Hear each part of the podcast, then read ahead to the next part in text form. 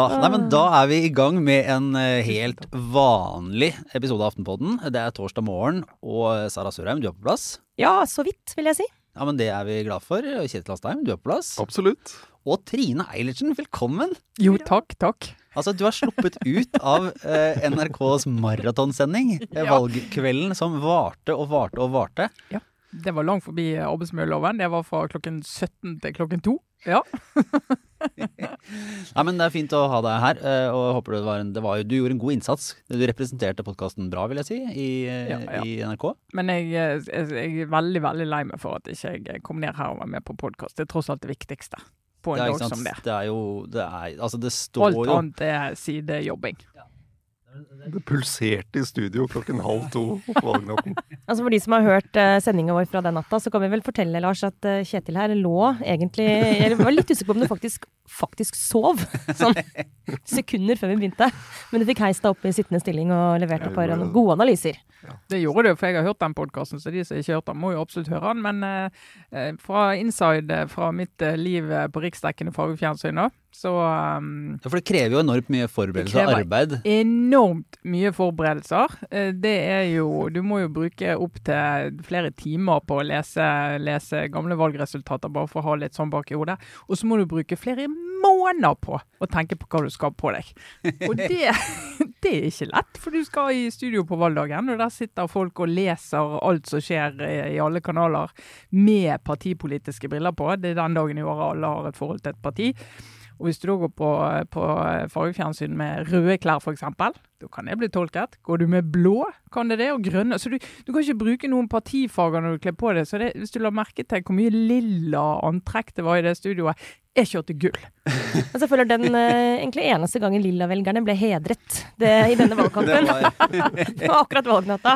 Nydelig lilla antrekk. Fordi Ja det er ikke mange farger igjen når du har ni partier eh, å ta av, hvis du skal kle deg nøytralt. da. Nei da, og så er det jo hvitt, men det er lysfolkene liker ikke hvitt. Eh, Men eh, så Ingrid Stenvold liker jo i hvitt, og det er jo alltid en kamp for kvinnelige programledere å få lov å gå i hvitt. Så altså, her, her er det mye å ta tak i. Og så hadde jo jeg tenkt, det er jo en fest kveld må jeg ha på med høye hæler. Så hadde jeg eh, da blitt gitt inntrykk av at jeg skulle få lov å hvile meg eh, på en barkrakk innimellom. Men det ble jo ikke fint på skjermen, så det var jo ingen bakkrakk. nei, for det var det noen som eh, påpekte her, at, eh, og spurte om, eh, om, ikke, om det ikke hadde stått hele kvelden. Jeg sa nei, men det hadde jo helt sikkert en krakk eller hadde et eller annet. nei, nei, det må jeg si. Det var mye ståing. Så, så den Jeg tok av meg skoene og sto barbeint sikkert i flere. Så tenkte jeg hvis de tar det utsnittet, så ser det jo ut som jeg er på sånn, sånn uh, hippieleir på Sørlandet. Litt sånn gladkristen hippieleir på Sørlandet, men uh, greit. Jeg kan trøste deg med at Anniken Huitfeldt på sosiale medier slår stadig vekk et slag. Nå senest eh, Nå var det fra kanskje til og med valgdagen. For at man må bare ta av seg skoene med jevne mellomrom. Ja. Så hun gjør stort sett intervju uten sko. Ja. Jeg tar mye av meg skoene hvis jeg Og nå etter pandemien, og det så du både Ingrid Stenvold og Ingunn Solheim, som var de to eh, som ledet det programmet. De begynte med hæler, og så gikk de over til hvite joggesko. Ja, nettopp. Så her er det bare å merke seg Ja. de viktige detaljene Ja. fra valgkvelden. Nå skal jeg bare minne om, for vi skal kanskje snakke om valget, Lars, men det er faktisk en viktigere Det er sak. vi og det gjør, er er ikke det? Jo, og det er nettopp Men jeg vil bare minne om at vi tidligere i denne podkasten diskuterte eh, fenomenet høye hæler er i ferd med å dø. Mm. Eh, og dette her er bare et bevis Det på at eh, det forsvant muligens med pandemien. Vi har mistet den treningen vi hadde med det. Så det er bare til Camilla. Stoltenberg vant. Hun har jo skrevet egne tekster om sin motstand mot høye hæler. Dette har vært litt oversett i valganalysene til nå, men nå Ja, men nå har vi brukt, brukte vi starten på vår eh, største podkast etter valget på, på det.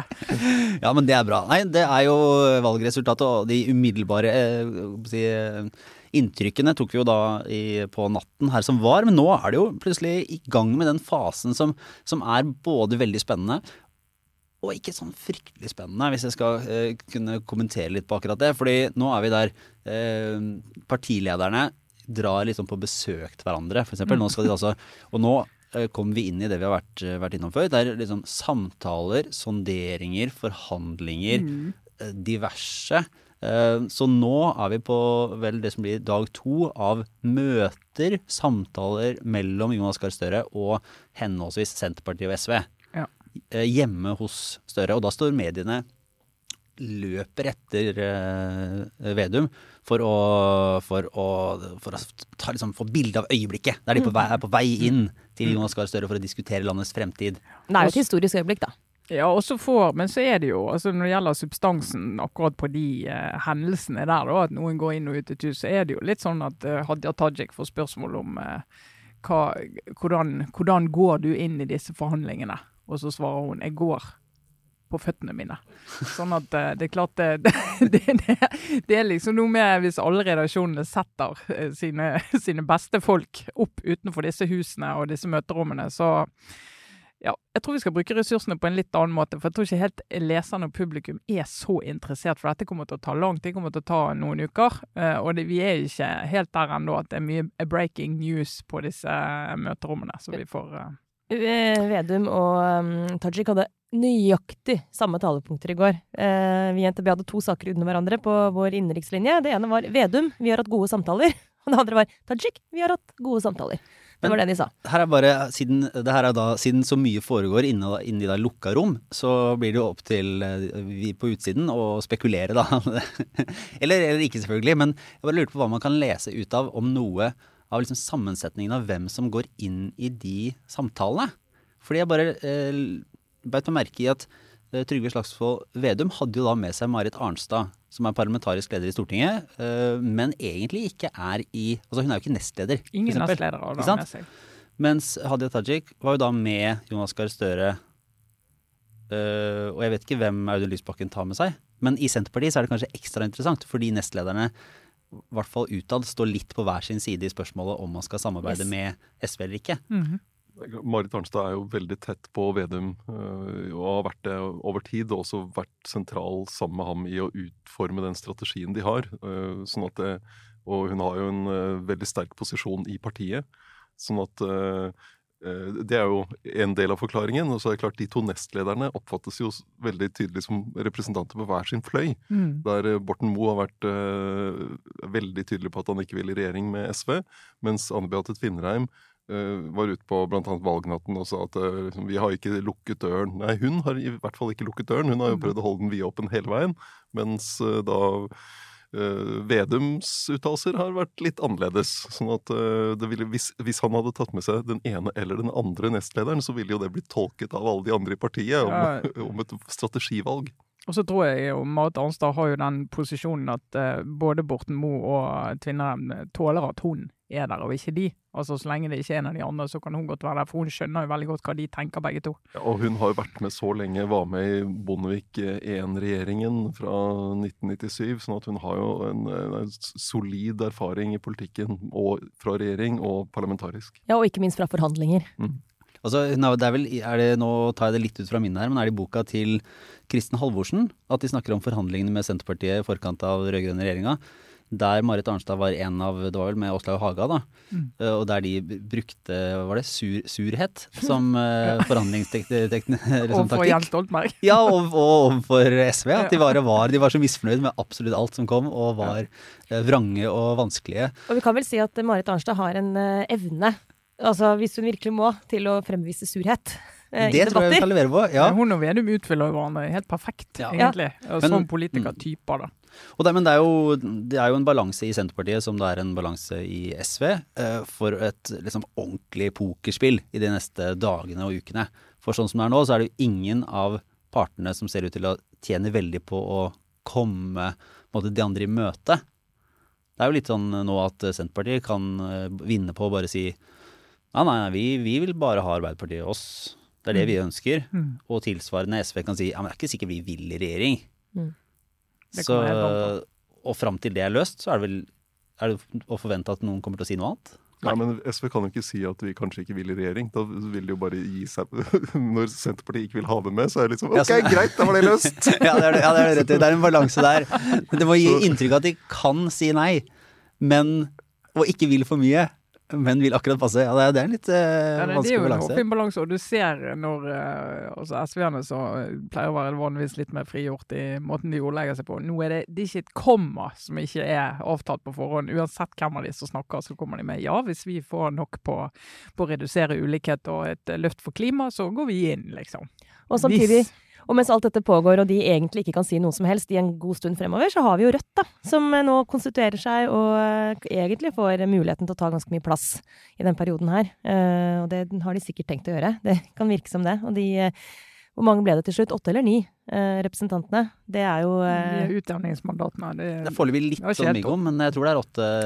Vi så de skulle telle i Nordland frem til fredag, faktisk. Ja, det er faktisk ja. ikke helt avgjort. I området der, ja, i hvert fall. Og for de enkeltmenneskene som sitter, apropos de utjevningsmandatene, det er ganske spesielt sånn, hvis du tenker bare på sånt uh, i et personlig Planlegge livet, ja. ja. altså Om du vipper inn og ut. altså Det er jobben din de neste fire årene, og også bostedet ditt. altså Skal du flytte til Oslo og bli, sitte på Stortinget i fire år, eller skal du fortsette med, med, det du gjør? altså Det er jo sykt små marginer. Hvordan skal du posisjonere deg? Skal du nå melde flytting til gutterommet ja.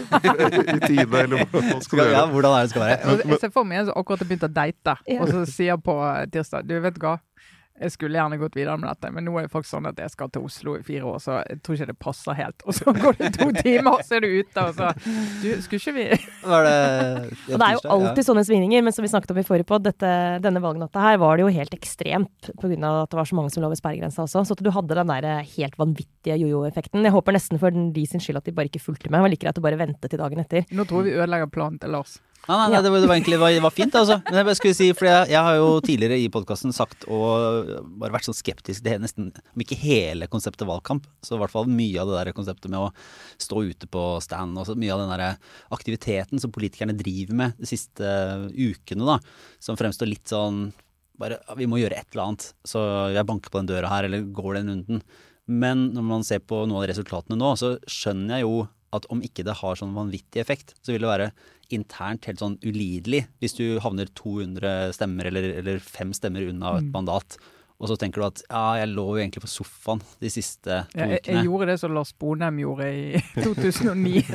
ja, bare prata med folk jeg kjente i Oslo. Ja. Stedet, altså sånn at det, Om ikke annet så må du gjøre den innsatsen, fordi du ser at til slutt så blir marginene så vanvittig små, og, og stemmene teller, da. Men hvis vi var tilbake på Rødt, som driver og posisjonerer seg, så så vi et eksempel på det i en sak vi har i Aftenposten i dag, eh, der SV plutselig havner i en skvis med én eneste gang. Mm. Det, den, det, handler om eh, den, en ny forsvarsavtale som uh, regjeringen har forhandlet frem med USA, om, og som Rødt mener er i strid med basepolitikken og i strid med Grunnloven, og de er veldig imot. Og, og SV er også imot den. Og, de da, og det, dette illustrerer egentlig noe av poenget med det Trygve Slagsvold Vedum sa i et intervju hos oss i, i juli da han snakket om, eh, om, det at han ville ha en Arbeiderparti-Senterparti-regjering som i noen saker også kunne samarbeide mot høyresiden. Blant annet så nevnte han forsvar.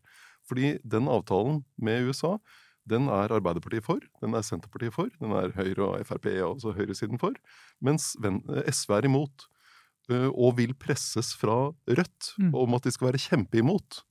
Sånn at eh, hvis det blir en Arbeiderparti-Senterparti-regjering i mindretall, så kan den bare få øh, liksom, sluset den avtalen gjennom, sammen med Høyre, øh, Frp og de andre partiene på høyresiden.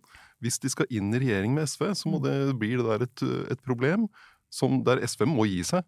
Ja, de. de kan ikke få den seieren, men der, det vil være et problem for SV som regjeringsparti, fordi Rødt da kan plage dem fra venstre Og det ser du jo her, De advarer SV mot å liksom blindt følge USA i forsvarspolitikken. Ja, ja. Og for mange så mistenker jeg at det her er litt sånn Men er dette en stor sak. Det er en litt tilleggsavtale til en tidligere forsvarsavtale som ikke i utgangspunktet skal endre så veldig mye.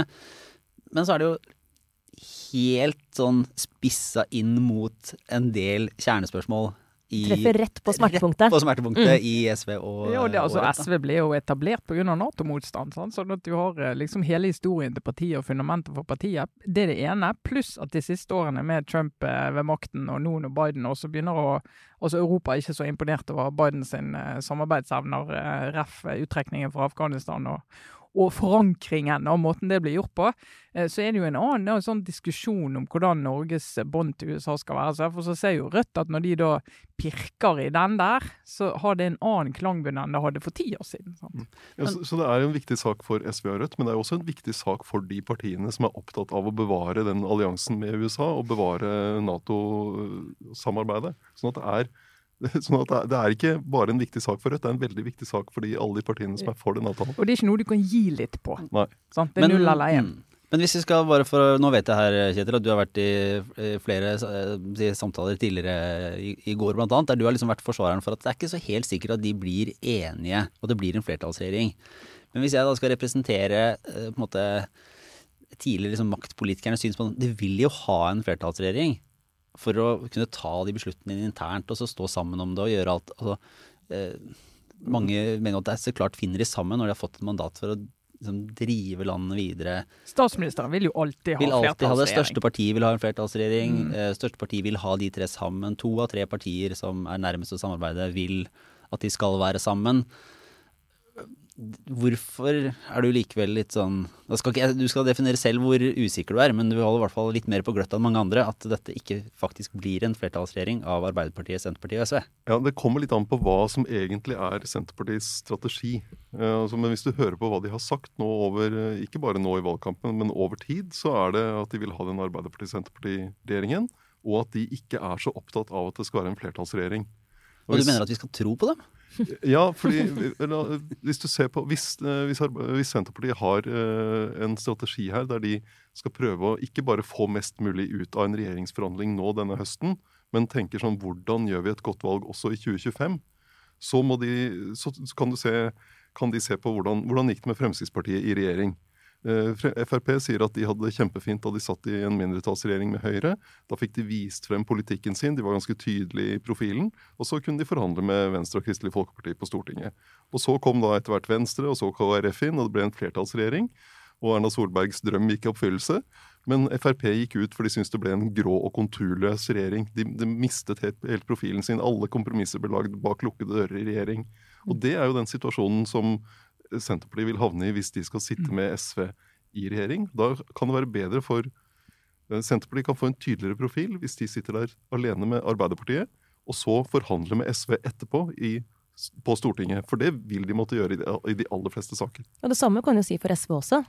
Eh, De vil jo være juniorpartner i en eventuelt sånn eh, trepartiregjering, og, og vil jo måtte se på at de taper mange saker, eh, og at de blir utfordra, som vi var inne på, eh, fra Venstre og Rødt. sånn at det er jo ikke gitt heller at for SV Selvfølgelig, politikere vil søke makt. Hvis du har muligheten å sitte i regjering, så bør du jo gripe den muligheten. Det er liksom en logikk i det. Men, men det er ikke gitt at, hvis du tenker et valg eller to frem i tid, at det heller er en, en så gunstig posisjon for SV. Nei, det kan tenkes at deres seier blir, syn, blir tydeligere, lettere å se når de forhandler på Stortinget. Og så, og så handler dette om én ting til, da, eh, tilleggsmoment for Senterpartiet. Det handler om hvor mange departementer skal du få.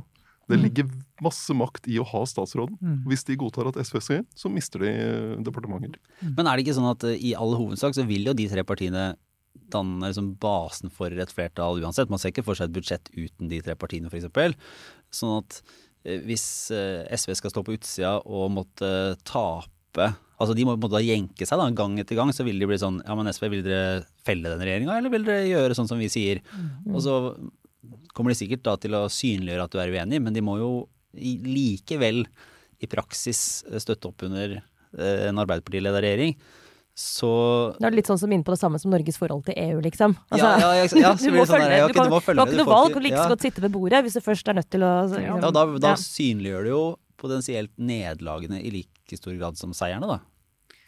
Ja, det, altså- men det er jo en reell vurdering, det da. sant? Altså, fordi jo Frp gikk jo ut av regjering, men fortsatte å lage budsjett med, den, med Erna Solberg. Og fortsette Eh, å gå ned, stort sett. Og fortsatte å gå ned, men de klarer jo da samtidig å vise at uh, de kan nå dra opp tre saker og si dette fikk vi gjennomslag i budsjettet, og så trenger ikke de å ta alt det der eh, ansvar for alt det kjipe, så du eh, må være med på når du lager disse kompromissene på innsiden av regjeringen.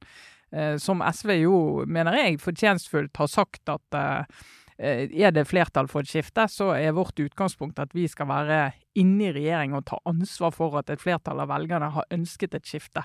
Eh, og vet jo da, for det har de erfart før, at det koster eh, kompromisser. Og så eh, Lysbakken sier veldig tydelig i dag, vi vet jo det, at vi ikke kan få alt vi vil. Og bare det at han sier det, viser jo hvor mye altså SV har vokst og erfart siden sist de var i regjering. Og de går jo inn med en helt annen strategi òg nå enn de gjorde den gangen. Og mye mer moden. sant? Men det er jo fascinerende bare å si at de eh, korthistorien da, på denne diskusjonen er at det er et kjempevanskelig dilemmaer, og at vi vet veldig lite om hvordan de faktisk tenker. Men, men jeg tror vi kan si ganske sikkert at SV vil i regjering. Mm. Det er eh, SVs plan. Og så, men det, det, har, det har kostnader. Det, det har, eh, de kan ha en god posisjon også som det partiet på Stortinget som forhandler med en Arbeiderparti-Senterparti. Absolutt. Og så er det ikke gitt heller. Altså, det har vært en del med rette fokus på, som vi var inne på, at det er eh, egentlig en tilsynelatende ganske stor uenighet i ledelsen i Senterpartiet. De to nestlederne står litt på forskjellige eh, sted når det gjelder samarbeid osv. Men det er nok ikke helt samstemt i SV-ledelsen heller.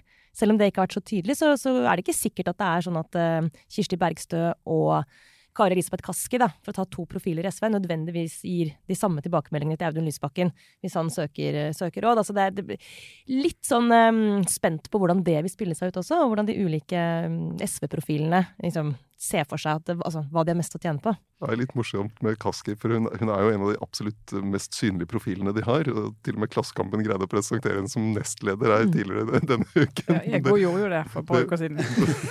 det er hun jo som kjent ikke, og det er de, altså Fylkesnes eh, Knag Fylkesnes, eh, den andre nestlederen her, er, altså, dette er bare sett utenfra, men eh, det er klart at det, har, du har jo, det er Kaski som er den store stjerna, og det at veldig mange, inkludert oss, bare tenker på henne som nestleder. Å, nå var du så i Oslo-bobla, Sara! Ja. Du kommer til å få så mye kjeft fra, fra nord. Fordi okay, Fylkesnes påstå, er veldig synlig i nord, men også ganske synlig i riksmediene. Altså, da vil jeg bare hevde at det er et objektivt faktum at Kaski er en politiker som slår gjennom lydmuren, og som er god til ja, å få frem budskapet sitt. Hun er jo i finanskomiteen. Ja. Altså, og da er du jo Du er kanskje da den som er oftest i debatter i riksdekkende et eller annet kanal. Sånn, sånn at hun er jo veldig tydelig. Og så er hun veldig, veldig, veldig dyktig. Ja. Så hun blir statsråd? Ja, det er jo an på hvor mange statsråder det blir, da. Hvis de skal inn alle disse her og dele på statsrådene, så noen som telte litt i går og mente ti til Ap, seks til Senterpartiet og fire til SV. Det er jo ikke mange da, hvis begge nestlederne skal, men du må jo ha en parlamentarisk leder òg. Eller hvis det er flertall, så er jo ikke det så viktig at det er en erfaren politiker. Men når det er mindre Ekspedisjonskontor, liksom. Da, ja. Nei, men akkurat den kabalen kommer vi tilbake til i, i gode monn. Det skal være trygg på. Vi må bare en, eh, en kjapp runde innom eh, taperne. Ja. Fordi eh, vi har jo vært eh, Vi var jo så vidt innom MDG på, på valgnatta. Men eh, vi jeg tror vi ikke snakka så mye om KrF. Eh, for de har jo da potensielt avgått med døden, ifølge noen betraktninger. Kommer ja. inn med tre representanter. Riktignok tre statsråder. Jeg tror at, hvis jeg bare kan si det, at de eh, Betraktningene KrF er jo litt farget av hvem betrakteren er. Uh, I dette tilfellet var det f.eks. Åshild Mathisen, som, eh, som uh, tidligere KrF-rådgiver, som var ute og sa at nå, nå, er det slutten for partiet. Men hun har egentlig ment det veldig, veldig lenge. og, og sto på den røde siden da de tok det veivalget. Uh, og jeg tror Nå skal jeg ikke mistenke altså, Hun har gode argumenter, så er, analysen er helt Det kan godt hende hun har helt rett, men man skal bare huske på at for de som sto på den røde siden, så vil det være en slags sånn Det er en slags sånn seier i gåseøynene for dem hvis det viser seg at den retningen Ropstad tok, mm. førte til at de, liksom, at de døde. Så får man ta det med en liten liten klype salt. De har tre representanter inne på Stortinget, så det er helt, helt mulig for KrF å, å få i hvert fall Altså, det er helt mulig å overleve de fire årene med tre representanter istedenfor eh, åtte. Jeg fikk en e-post som var skrevet seint sein på natten, valgnatten, fra en uh, aktiv KrF-er i Oslo, som hadde satt seg ned og hamret på tastaturet med en skikkelig ironisk e-post sa ja, gratulerer da, Trine Eilertsen, med at dere drev såkalt gravejournalistikk og klarte å vippe dette drittpartiet under sperregrensen. Eh, og da er det jo pendlerboligsaken han mente, så han skulle si opp abonnementet, og det var bare nå. Nå har dere drept partiet mitt. Og så tenkte jeg nå skal, jeg, nå skal, han få sove på det, og så skal vi ta det helt rolig. Skal jeg svare veldig hyggelig tilbake, og det, det gjorde jeg. Og da prøvde jeg å forklare han at eh, vi skrev pendlerboligsaker om folk fra flere partier, og det er nok sammensatt, denne nedturen for KrF. Hvis du ser på de kristne og sentrum, så er det tydelig at disse kristne velgerne er veldig Det er en fragmentert gjeng. Du klarer ikke å samle de partiene sånn som du gjorde før. KrF manglet vel 6000-7000 stemmer på over sperregrensen, mens de andre partiene fikk til sammen 17 000. Overhodet ikke gitt at alle de hadde gått til KrF hvis ikke de hadde eksistert. Men noen av de hadde kanskje gjort det. Eh, men nå fikk jeg i hvert fall eh, mail tilbake igjen, og han, han angret. Ja. Han var lei seg, og han var så glad. Han skulle ikke si opp abonnementet, og han var egentlig helt enig. så han trodde ikke egentlig at det var jeg leste, Det var en fascinerende, eller det var en analyse som så på nedgangen sånn jevnt da, til KrF over siste valg. og at det, Statistisk sett så er jo nedgangen mindre nå enn det det har vært ved de fleste valg eh, Ja, For det er jo det 97 som er med. KrF, at hovedtrenden, i hvert fall siden jeg begynte å følge valg på begynnelsen av 2000-tallet, den har vært entydig. Det er litt sånn som med papirabonnenter eh, for aviser. De Altså, dør. de dør ut. Sånn er det når du ja. satser på sistegangsvelgerne, og det har det som hovedstrategi. Ja, Men, da må du satse på at folk lever lenger, og det, Ja, men det er grenser de der òg. De gjør det. ja. Men det, hva som ville skjedd med KrF hvis de hadde valgt rød side, er jo eh, helt umulig å si. Men da ville de altså eh, sittet i, i så fall i regjering med Arbeiderpartiet, der du fortsatt ville, hatt eh, et parti som sannsynligvis ville- vedtatt at abortloven skulle liberaliseres. De ville vært avhengig av å samarbeide med SV på Stortinget frem til valget nå. eh, som også ville vedtatt endringer i abortloven. Så det ville jo vært mye tettere på, på en side på en del politikk som er viktig for KrF-velgerne å stanse. Du har helt rett i det, men nå er vi litt inne i en kontrafaktisk historie her. Men poenget er at hele grunnen til at den abortloven ble liberalisert i utgangspunktet, var at den ble satt i spill. Nei, det er, det er ikke hele grunnen. Det bidro, men den debatten har ligget der over flere, i Ja, men tror du det flere runder i, i programprosessene. Ja, det kan du ja, selvfølgelig. Altså, det, det er kanskje en sak som ville kommet opp uansett, men den fikk i hvert fall en, um, Fikk en ekstra fart. en ekstra fart, Mm. hvor KrF sin posisjon og den måten Ropstad brukte akkurat det spørsmålet på, gjorde jo at den debatten ble mye mer betent, og at posisjonene ble hardere enn det kanskje det trengte å være. da. Men hvis Arbeiderpartiet hadde sett at KrF lå der og så søkte seg mot Arbeiderpartiet, tror du at de likevel ville gått inn på et landsmøte for en liberalisering av abortloven? Eller ville de tenkt at Altså Noen ville helt sikkert gjort det, for det finnes en veldig bredt spekter i Arbeiderpartiet. de som har vet vedtatt det nå, har hatt mange i partiet som har jobbet for det, og hatt det også flere av de har jo hatt det i programmet sitt før. sånn at det, det er jo mange som har ønsket dette. Men de kunne jo at hadde tenkt litt annerledes hvis de skulle sjarmere KrF, eller se at Altså- dette var en mulig samarbeidspartner ved valget i 2021. Jeg tror Sara har helt rett i at den runden som Ropstad bidro til å sette i gang den høsten 2018, bidro til å løfte den saken. Og bevisstheten om den, og engasjementet Mm. for den. Eh, Sånn at eh, eh, det, er, det, er, det er helt umulig å si hvordan det ville blitt, men det er, det er Du hadde den effekten, det løftet saken opp. Flere ble, syntes at den var viktig, men du har samtidig hatt det som et tema i de partiene over flere i, uh, runder med partiprogrammer. Ja, og så skal, du, skal vi huske at det da Støre i 2017 inviterte sentrum, åpnet døren og sa at kanskje muligens vi kan snakke med dere, så fikk han jo en kjempe tilbakemelding fra særlig kvinner i Arbeiderpartiet som sa vi kan ikke samarbeide med et parti som KrF som mener det de mener om bl.a. abort. Så hvis han hadde jobbet for å tilpasse seg det partiet og gått inn i en ny valgkamp og sagt vi skal ikke røre den saken, så kunne han fått en reaksjon i sitt parti. Kunne også fått det i SV, eh, som sa at ja, men vi skal i hvert fall markere på landsmøtet hva vi egentlig mener om det. Sant? Sånn at du kunne fått den diskusjonen, men ikke med samme utgangspunkt som du fikk pga. den eh, Ropstad-høsten. Men når ting nå ble som det ble, så tenker jeg at for Støre så Han, han hadde muligheten til å bli statsminister den gangen, eh, og den, det gikk ikke. Og jeg er sikker på at det Ikke sikker på, jeg antar at det var en skuffelse. Altså, han hadde sikkert sett ønsket seg i den posisjonen allerede da, det er jo grunn til å tro. Men nå, når han fikk den, eh, det resultatet han fikk, eller Arbeiderpartiet fikk nå, så er det jo sikkert litt sånn tjo. Fordi det er jo slett ikke sikkert at en regjering, en Støre-regjering eh, som samarbeider med KrF, ville klart å vinne det valget vi akkurat har vært gjennom. Så det blir sånn Han har jo et Ja. mye sterkere Mye mandat sterkere, nå ja. eh, når han gjør det. Sant? Vi har hatt et valg, han har liksom fått et eh, flertallsgrunnlag, må vi kunne si, veldig tydelig. Eh, å gå inn og si at liksom, nå skal jeg bli statsminister og vet at jeg har flertall av folk i ryggen. Det er noe helt annet enn å liksom vikle seg inn i en sånn der eh, Kaste en ja. regjering etter noen måneder og liksom Ja, eller et år. Han har jo et ekstremt sterkt utgangspunkt, egentlig, med, med de, alle de, de partiene som, eh, som vil ha en ny regjering. Så, og så er det da alle problemene i tillegg. Og så må vi legge inn en disclaimer, da, Lars, siden vi spiller inn dette på torsdag morgen, og så skjer det ting i løpet av dagen med, med pressekonferanser og Ja, møter. Ja, hvis nå. Senterpartiet kommer ut og sier nei, vi vil ikke i regjering, det vil, det vil overraske meg veldig. Ja, litt grann. Eh, Så da tror jeg det blir en ekstra podkast. Det kan vi Men Venstre gikk det jo bra med, da. Venstre gikk det bra med. Eh, kom seg opp. Det var veldig stak altså Stakkars Venstre, de må ha en horn i siden til den der valgdirektoratet som lager de prognosene hans. Starter på Ja, de måler de alltid, de setter de alltid eh, lenger nede på prognosen de siste valgene. Da har de alltid kommet høyere enn eh, direktoratet sin prognose har vist. Det er bedre å starte der Akkurat og så gå opp enn for sånn som MDG. Som Ja. hadde, Ja, MDG så alle de jubelbildene. Det er Oh. Og det, vi snakka om det i stad, med det med hvor små marginer det er i et, uh, i et valg. Og det er klart at det, nå er det fortsatt fintelling, da. Men det kan hende at det nærmer seg liksom 1500 stemmer som skilte for MDG for å nå sperregrensa. Og det er jo litt sånn, ja, hvis fire mennesker til hadde snakka med fire mennesker til Altså det er sånn, Du kan begynne å regne dette enkeltsamtaler for å vippe de velgerne der. Så er det liksom sånn, det, det, det tenker jeg det må være utrolig frustrerende. Det tror jeg det, det tror jeg helt klart at det er. Og så tenker jeg for MDG sin del, for det diskuterte vi litt her da det gikk sånn som det gikk med de. Altså den evnen til å evaluere seg sjøl åpent og ærlig og, og, og smertefullt, eh, som et parti må gjøre når, du, når, det ikke går sånn som du har tenkt. Det, jeg har vært litt spent på å se om de har den evnen, for det er litt sånn tendenser i det partiet til å se at det er de andre.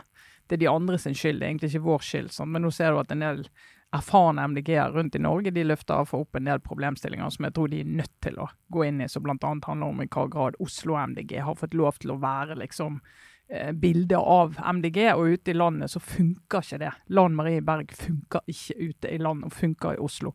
Hvis det er en riktig analyse, som jeg, jeg, tror, jeg, tror, den har noe for seg, så har de jo et problem med at det er hun som kommer til å bli en av de, en av de tydelige profilene de har på Stortinget. Ja, og det, det, tror jeg faktisk de er nødt til å diskutere, hvordan de skal bruke Une Bastholm og eh, Lan Marie Berg. For å bruke Lan Marie Berg der de har muligheten for å hente stemmer gjennom at hun er veldig tydelig. De er her i Oslo, eh, mens ute i landet så tror jeg det virker helt motsatt. Mm. Men, det, altså, men, det, er jo hennes altså, strategiske valg i Altså Oslo har det jo kanskje kommet lengre med en strategi som er sånn Uh, 10% er enige med oss, 90 kan være uenige. Mm. Nasjonalt så viser det seg at uh, da er det flere som si, mener det samme som dem, og, og som, som, vinner fram. Da, at den, mm. den strategien og det, men, Så den kan, jo, den kan jo endres også for Berg uh, ut i landet. Det er, jo ikke, det er jo ikke, Eller tror du det er henne som person eller som politiker? Nei, men jeg, jeg, tror, jeg tror, mange av det, og eh, MDG har jo styringserfaring for Oslo, har fått gjennomført mye. Sånn, så her ser folk som ønsker seg den retningen, de ser resultater. Og det er jo alltid bra for et parti. Ute i en del andre byer, så, så ser, de ser ikke det. Og blir på en måte referansene til hva som har skjedd i Oslo, det, det blir for det første litt fjernt. Og så er det, må jeg jo få lov til å si, da, hvis du velger som hovedsak at du er mot oljenæringen og skal avvikle den, eh, og så kjenner du ikke den ut og inn. Du må kjenne den ut og inn, du må kunne alt om det, du må kunne like mye om det som de som er i næringen. Hvis du skal reise rundt i f.eks. på Vestlandet og si at eh, vi skal bare avvikle det, eh, vi trenger ikke den kompetansen, altså du bare snakker litt sånn overfladisk om det. Og der mener jeg at hvis du skal ut og bli et nasjonalt parti, så må du gå inn og si ok, vi må ha en i partiet vårt som bare kan oljenæringen bedre enn alle andre. Mm. Det har de ikke. Det er en politiker som Tina Bru, for eksempel. Nå er hun på et helt annet sted også i, i den debatten overordna. Men det er klart at eh, hun, hun, er typisk en sånn som hun kan den næringa. Hun har vokst opp med det. Hun er helt Hun snakker det samme språket, hun kan detaljene. Har mye større rom for å også eh, kunne fatte mer upopulære vedtak, eller, eller, ting som går litt mer imot næringen sjøl, med den med det ståstedet. Men tenkte også på det du var inne på nå med, med storbyen og MDG. fordi fortjenestefullt nok så har jo MDG en veldig aktiv storbypolitikk. Og det kommer vel ikke som noen overraskelse for våre lyttere at Og det har jeg vel sagt ganske mange ganger, jeg har liksom savna det, spesielt i denne valgkampen. Altså det, det, er ufattelig viktig for Norge. De fleste i Norge bor i relativt store byer, og, og der er det både på ulikhet, barnefattigdom, eh, miljø osv. Masse ting å ta tak i.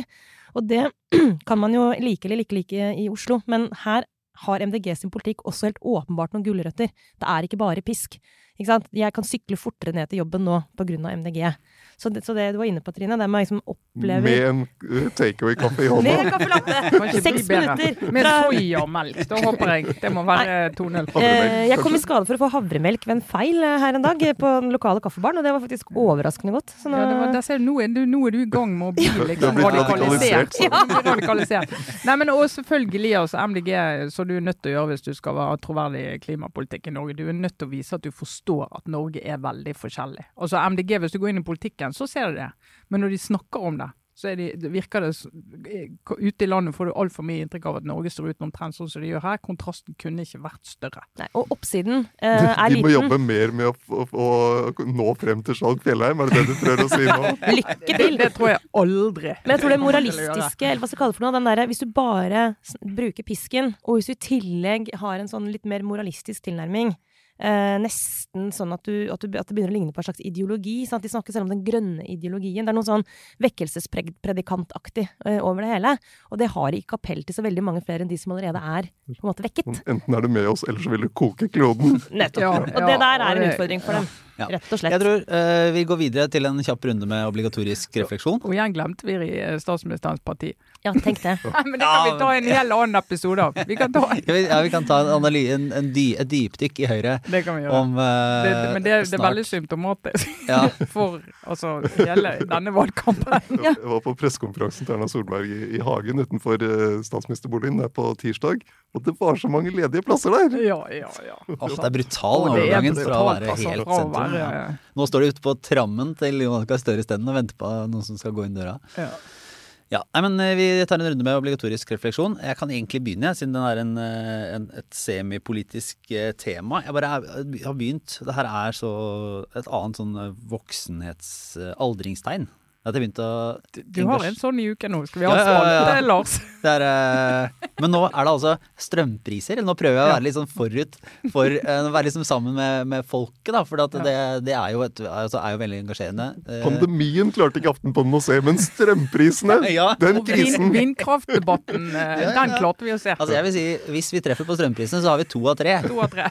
Og det er, det er omtrent der vi, der vi vil være. Nei, nei, men nå er det jo Altså Hvis man ser ut i Europa, så, så er det helt eh, enormt høye strømpriser, bl.a. i Storbritannia og delvis eh, opp i Tyskland. Jeg skal ikke påstå å være superekspert på det, så jeg vet at Kjetil kan fylle på med detaljer etter hvert. Men eh, noe av det, interessant nok, er jo fordi at det ikke blåser. Sånn at, at vindkraft ikke er like effektivt, og, og man må finne andre måter. Eh, og så er jo i og for seg Så her er det jo for lite regn. Her er det for lite regn, så her er vannmagasinene ikke fulle, så fulle som de burde være. Så prisen er høyere, også i Norge. Og så åpner jo da eh, flere av disse strømkablene, som er hva skal si, omdiskuterte, for å si det pent, Mm. eh, som skal være med på å binde strømnettet i Europa sammen. I teorien gjør at vi kan selge F.eks. vi kan selge vannkraft da, dyrere til britene, da, sånn at de skal få Grønn energi ut i Europa. Ja. Eh, og så er jo eh, ulempen her er jo at prisene kan gå opp også i Norge for norske forbrukere fordi at konkurransen altså, Det er folk som er villige til å betale mer. Mm. Og det kan bli en politisk bombe, lurer jeg på. Ja, men det kan de jo. Ja. Og her er jo Senterpartiet er jo, og SV er jo mot disse kablene. SV er med noen nyanser, vel. Ja, de Er dette er dette ACER-diskusjonen? Nei, Nei. Se her. men, men den kommer til å bli rørt inn i Nemlig. inn i- Ja, ja, det kommer til å bli rørt inn. Ja, for Men dette her er, den store for S NorthConnect? Eh, Den Den er jo ikke akkurat nå, men det er jo en del av bildet her. Den, er, den ble jo lagt uh, parkert uh, av Stortinget. Så den Ikke sant? Da sånn- Arbeiderpartiet Det- snudde. Men det var, det var inni dette her. Det ville vært en sånn Den- strømkabel. Det ville vært en sånn strømkabel, men Ja. den, det prosjektet er ikke vedtatt. Ja, men, men, men, at det, ja. nei, men altså at det er vanskelig, ja visst er det det. For det, det er jo, hvis du virkelig skal ta det der, eh, ta den helt ut og si det at nå skal vi skal passe på oss, våre forbrukere, våre bedrifter, og passe på at vi har lav strømpris. Hvis du virkelig skal gjøre alvor av det, eh, så må du stenge eh, forbindelsene til Europa. Da kan ikke vi drive og utveksle strøm eh, ut og inn av Europa. Og det vil veldig ofte være en fordel for Norge, Men ikke- ikke alltid. Eh, Hvis, du, hvis Norge ikke hadde de forbindelsene, så ville vi hatt noen vintre med eh, altså, nærmest strømkrise og rasjonering. Eh, Ja, vi har ikke hatt nok høy- strøm. høyere priser. Hvis du ser på så erfaringen fra liberaliseringen av kraftmarkedet i Norden på tidlig 90-tall, så har det vært en god ting for, eh, for Og det må jo vi få lov å nevne hvem som gjennomførte den eh, liberaliseringen. Det var eh, olje- og energiminister Eivind Reiten fra Senterpartiet. Ja. Men eh, bare helt kort, er dette sånn som kan løses med et pennestrøk ved å kutte i elavgiften, og, og så går de videre og skryter av det? Eller er det sånn at det blir en realpolitisk knipe? Jeg tror i hvert fall det er eh, det enkleste politiske. Primære. én. grepet de har. Eh, Og så er det, det er såpass sammensatt. eh, altså Vi må håpe på en vinter med skikkelig drittvær. Masse regn, masse Må vin. det? Det må vi gjøre. Ellers så, av hensyn til strømregningen til folk flest, til vanlige folk Ja, men, men også uvanlige folk, da. Nei, det, det er, Nå er det vanlige folks tur, så det kan du bare glemme. Og så er det veldig sammensatt. Altså, det, er, eh, det er høye gasspriser. Det er økende CO2-priser, eh, altså kvotene, kvotene eh, som slår inn i strømprisen. Og det er sånn det også skal virke. Fordi dette gjør det mer lønnsomt å bygge ut mer fornybar energi, Mm. som er det man trenger i hele Europa og Norge. Og det gjør det mer lønnsomt å spare mer på strømmen, som også er en del av det som trengs hvis verden skal klare de klimamålene som er. Så man kan, når, når strømregningen kommer og er kjempehøy, så skal man glede seg over eh, Kan man finne en viss trøst da, i Ja, de to tingene. på vei inn i det grønne skiftet, kan vi si da. Ja, men nå eh, får vi, fordi vi har litt sånn dårlig tid i dag, så får dere en veldig kjapp runde med refleksjoner fra resten av teamet. Åssen er det med deg, Trine? Bitte liten anbefaling. Eh, Frode Grytten, fantastisk forfatter, tidligere journalist, tidligere kollega, bare for å skru dette et lite sekund inn på meg sjøl igjen, da, i Bergens Tidende. Han lærte meg å skrive reportasjer, faktisk. Jeg fikk være en hel uke på reportasjeverkstedet med Frode Grytten, er noe jeg aldri glemmer i mitt journalistliv. Oh. Men han er jo lenge siden han har jobbet med reportasjer. Men så har han blitt overtalt til å skrive en eh, valgkampreportasje fra bl.a. bussen til Erna Solberg, som er publisert i Vinduet. Eh, ligger på nett, åpent. Eh, den må dere eh, rett og slett lese. Eh, fantastiske Helge Skodvin, fotograf, også gamle kjenning fra Bergens Tidende, har tatt bildene. Og han er en av de eh, morsomste fotografene i Norge. Han har et blikk som ingen andre har. De to har eh, lagd eh, valgkampreportasje. Og den åpningen og den eh, teksten er så fantastisk. Så dere må bare rett og slett gå inn og lese. og Kose dere med språk, observasjoner og Ja, det er kunst. Da skal jeg bare minne om, fordi vi har fått noen eh, henvendelser om liksom hvor man finner disse anbefalingene og, og av og til kan eh, Ja. lytte tilbake og sånn. Så er det altså hver torsdag så sender vi ut et nyhetsbrev. Riktignok forbeholdt abonnenter på Aftenposten, men det Men vi håper jeg regner alle vil med at alle som hører på, abonnerer. Ja, det burde de i hvert fall. Det Det, er, det er vel Ja. verdt det. Hvis ikke kanskje jeg leser kommentarene til Kjetil. Nei, ikke sant. Så det er jo et, det er jo et argument i seg selv. I hvert fall, så, så hvis man melder seg på det, eh, på enkelt nok aftenpodden.no, da kommer man til innloggingen, eh, så får man disse anbefalingene rett inn i postboksen, sammen med en ukentlig politisk quiz. Som eh, er på absolutt høyeste nivå, vil jeg si. Jeg lurer på om vi har en veldig veldig god kampanje for tiden òg. Med Nettopp. veldig veldig gode priser. Så dette vil jeg anbefale folk å gjøre i dag. innretta, ja. Eh, Sara Sørheim. Du, Da skal jeg bare avslutte der jeg starta, egentlig, med litt sånn eh, visuell tilnærming til, eh, til valgkampen og valgnatta. Vi snakket om høye hæler. Men vet du hva? en av de virkelig sånn bra tingene som skjedde, i tillegg til at demokratiet utspilte seg, det var jo eh, at tre profilerte politikere, det var både mm, Guri Melby, og det var Une Bastholm, og det var Lan Marie Berg, hadde på seg veldig fine klær, eh, som man jo må når man står på scenen og skal eh, holde en veldig vanskelig tale hvor du har tapt og vunnet på en gang, som Une måtte gjøre. Men eh, de hadde på seg leide kjoler. Og det er en sånn, det er en ikke pisk-ting, men en gulrotting, når man skal prøve å være litt sånn fornuftig og drive med gjenbruk og sånn. Det er ganske mange aktører nå, skal ikke nevne navn, for vi driver ikke med reklame her, men um, Bortsett fra for Aftenposten. Bortsett fra Aftenposten. Navnet må vi jo ha med. Men, uh, men der uh, man kan leie seg uh, antrekk for en kveld. Og det, jeg, bare, jeg for jeg, jeg så liksom bort på mitt eget klesskap, og bare de der kjolene for eksempel, som henger der, Trine, Mm. som jeg har kjøpt fordi jeg skulle én ting, Ja, det er helt riktig, Sara. ja, som jeg aldri har brukt igjen. Eh, og det, den anledningen kommer ikke tilbake. Og hvis den gjør det, så er det for seint, og kjolen er liksom out of style, eller den passer ikke lenger. Så det der, der det kjente jeg sånn Dette syns jeg er kult. At man kan leie det antrekket, og så leverer det tilbake, og så ser man i tillegg superbra ut, for det er veldig fine klær. tenkte jeg sånn Ja! Dette her skal jeg bli sånn, dette skal jeg gjøre. Det skal være min eh, skjerv. Mitt lille sånn bidrag. Så det anbefales. Hvis, nå, jeg skal ikke karakterisere dette som Altså, jeg skal ikke eh, sette det til liksom kjønnsperspektiv nødvendigvis, eh, men bare et apropos som kom fordi at det var da si kvinnelige partileder, samme. Det var et, en fun fact fra Filter Nyheter som hadde telt opp at det nå var færre kvinner i FrPs stortingsgruppe enn det var menn med mellomnavn André. Og da kan jeg bare legge til at hvis flere politikere hadde benyttet seg av disse mulighetene til å ikke bare leie en kjole, men også få råd, da. For de folka som driver, det hvert fall de jeg kjenner til som driver med dette som business, de er jo også da stylister og de er flinke til å gi råd. Da hadde vi ikke hatt leppestiftkjolegate. Sant? Og det kan du si, det, hadde det vært et tap, eller hadde det vært en vinn? Altså det får, det får andre vurdere, men jeg bare sier at da hadde vi sluppet Ja. leppestiftkjolen, og det personlig tenker jeg at hadde vært like greit. Eh, Kjetil, Ja, du kan avrunde. Ja. Ja, apropos hva er demokrati, og det er vel også Men nå eh, åpner vi den boksen. Ja, det er, det er noen, En kjapp noen, noen som refleksjon. en kjapp refleksjon her. Noen som sa at demokrati det er at alle får hver sin stemme, og så kommer André Skjelstad inn fra valgkrets Nord-Trøndelag.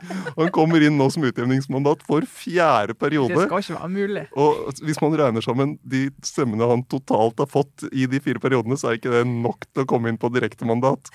Så, så det, er, det er, eh, og han er fra Venstre, og det er eh, en interessant side av systemet med utjevningsmandater. Ja. Og et argument for det valglovkommisjonen kom med i fjor, nemlig å justere valgdistriktene fra de gamle 19 fylkene til de nye.